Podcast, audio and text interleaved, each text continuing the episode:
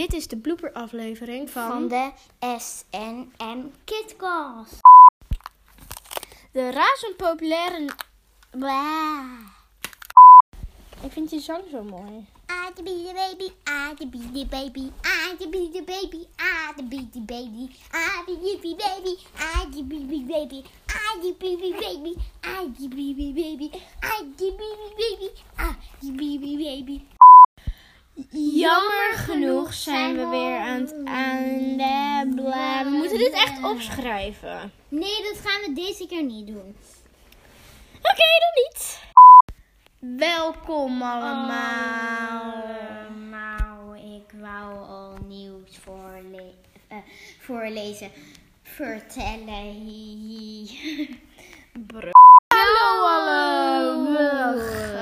Weet je, en het gaat weer gebeuren hoor.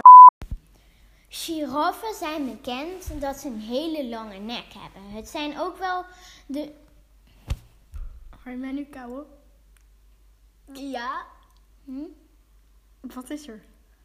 Ik, ik wou wat zeggen. Ik wou zeggen dat ze de grootste zoogdieren waren, maar ik weet niet meer zeker of dat waar is. Volgens mij is dat niet zo. Nee, ik weet het eigenlijk Ja, maar iets van langst of zo, maar het was iets, iets met zoogdieren. Ik dacht, ik dacht dat je stopte omdat ik aan het kauwen was.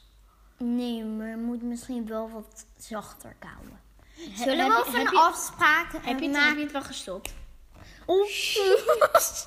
oh jee, oh jee, oh jee, oh jee. Dit geluid gaat weg als het eh, de komende dag gaat sneeuwen. Want... Wat? Wat, wat zei ik nou?